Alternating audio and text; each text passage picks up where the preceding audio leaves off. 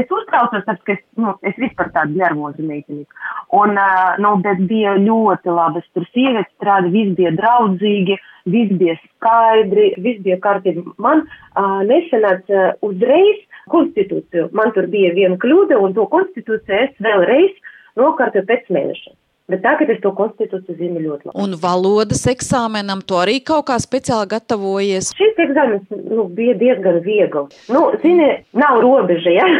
tu vari eh, to valodu lapot, lapot un labot. Mums ļoti daudz latviešu draugu.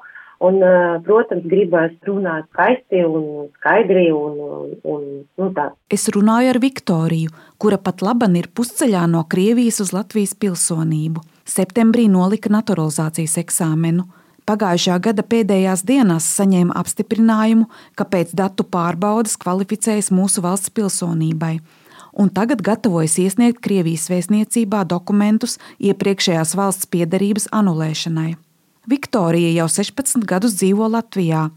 Vīrs ir Latvijas pilsonis, tāpat kā abu bērni. Krievijas pilsonību viņa tik ilgi saglabājusi praktisku iemeslu dēļ. Svarīgi bijis brīvi apciemot dzimtenē palikušo vecmāmiņu, mammu un brāli. Lēmums pretendēt uz Latvijas pasi pieņemts politiskās situācijas dēļ. Viktorijai tuvos rados ir ukraini, kuri devušies bēgļu gaitās un arī radiniekiem, kas dzīvo Krievijā, tās uzsāktais karš Ukrainā ir smags pārbaudījums. Līdzīga motivācija vadījusi Aleksandru, kurš pirms 15 gadiem atbrauca strādāt uz Latviju, ir integrējies šejienes sabiedrībā, bet tāpat kā Viktorija, par atteikšanos no pilsonības izlēma tikai pērn. Tas ir apzināts lēmums, mana attieksme pret to, kas notiek Krievijā, saka arī vīrietis, kurš ceļā uz Latvijas pilsonību ticis pussolīti tālāk. Tu jau esi iesniedzis Krievijas vēstniecībā? Jā, es iesniegu dokumentus, un pēc tam uh Mhm. -huh. tād ar šo dokumentu es iešu. Man tikai tad būs latviešu pase. Jā, tā ir ilgs process, jā, jā, jā. Tā, tā ir. Tam varbūt kād, kādā vēl pārbaudā, es tā sapratu. Ceru, ka vasara kaut kur būs. Es zinu vienu meiteni, krievu meiteni, nu, kura arī dzīvo te ilgi. Tak viņa jau pusgadu gaida tu atcelšanu vairāk nekā pusgadu. Viņa no, nakārtoja eksāmenu šajā kaut kur mārta sākumā. Aleksandrs lūdz neminēt savu uzvārdu, jo vēl ir nobežījies par gala rezultātu.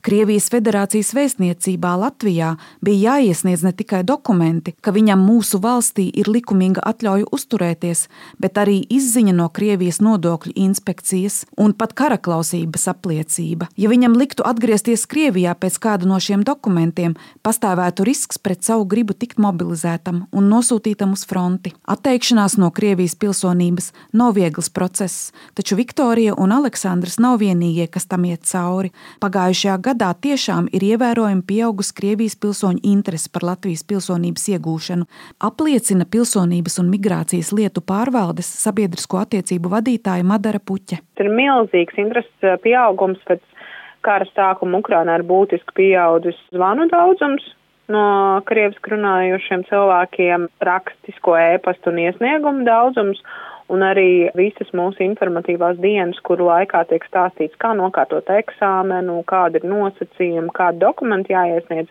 mums principā apmeklē tikai Krievijas pilsoņi vai nepilsoņi. Pirms kara nāca arī, piemēram, Lietuvas pilsoņi, Ukrainas pilsoņi, nu, dažādu citu valstu pilsoņi, bet šogad būtiski pieaudzis ir tieši Krievijas pilsoņu interesi. Parunāju ar kolēģiem, viņi teica, ka dubultā, vairāk nekā dubultā salīdzinot ar pagājušo gadu un situāciju pirms kara. Pagājušā gada 11 mēnešos naturalizācijas kārtībā Latvijas pilsonību ieguva 111 Krievijas pilsoņi, bet iesniegumu, lai uzsāktu iepriekš minēto procesu, uzrakstīja 312 šīs kaimiņu valsts pasu īpašnieki. Lai saņemtu Latvijas pilsonību, pretendentiem pēdējos piecus gadus ne tikai ir jādzīvo Latvijā ar pastāvīgās uzturēšanās atļauju un jāspēj uzrādīt legāli iztikas avotu, bet arī jānokārto tāds pats naturalizācijas eksāmens kā cilvēkiem ar Latvijas Republikas nepilsoņu pasēm. Tā tad jāspēj demonstrēt latviešu valodas prasmes B1 līmenī, stāsta Madara Puķa. Mūsu informatīvās dienas šogad ļoti aktīvi apmeklē Krievijas pilsoņi kuriem, diemžēl, praksē latviešu valodas zināšanas ir ļoti vājas vai tādas nav vispār. vai iesniegumi rezultēsies arī piešķirtā pilsonībā, par to mums vēl šobrīd ir grūti prognozēt. Cikls Latvijas pilsonības iegūšanai tieši Krievijas pilsoņiem ir tik garš, ka rezultāts pagājušā gada intereses pieaugumam redzēsim tikai šogad, uzsver PMLP runas persona. No iesnieguma Krievijas vēstniecībā par šīs valsts pilsonības anulēšanu līdz pozitīvai atbildēji, kam sekos Latvijas Republikas ministru kabineta lēmums par pilsonības piešķiršanu, patiešām var paiet arī gads. Šādu laiku arī Latvijas puse pat laban atvēl minētā jautājuma sakārtošanai. Process ļoti ilgs, un ar to Krievijas pilsoņiem jārēķinās. Nu, viņš ir ilgāks nekā ar citām valstīm. Grūti teikt, vai tas ir saistīts ar likumdošanu vai vienkārši ar valsts aparāta strādāšanas ātrumu. Krievijas pusē. Pilsonības un migrācijas lietu pārvaldes dati liecina, ka vēlmi saņemt Latvijas pilsonību 2022. gada 11 mēnešos iesnieguma veidā pauduši arī 622 cilvēki ar Latvijas nepilsoņu pasēm. Šajā segmentā interese par mūsu valsts pilsonību pagājušo gadu nav ievērojami pieaugusi. Tā ir aptuveni tāda pati kā pirms Ukrainas kara. Ieva Puķa, Latvijas radio.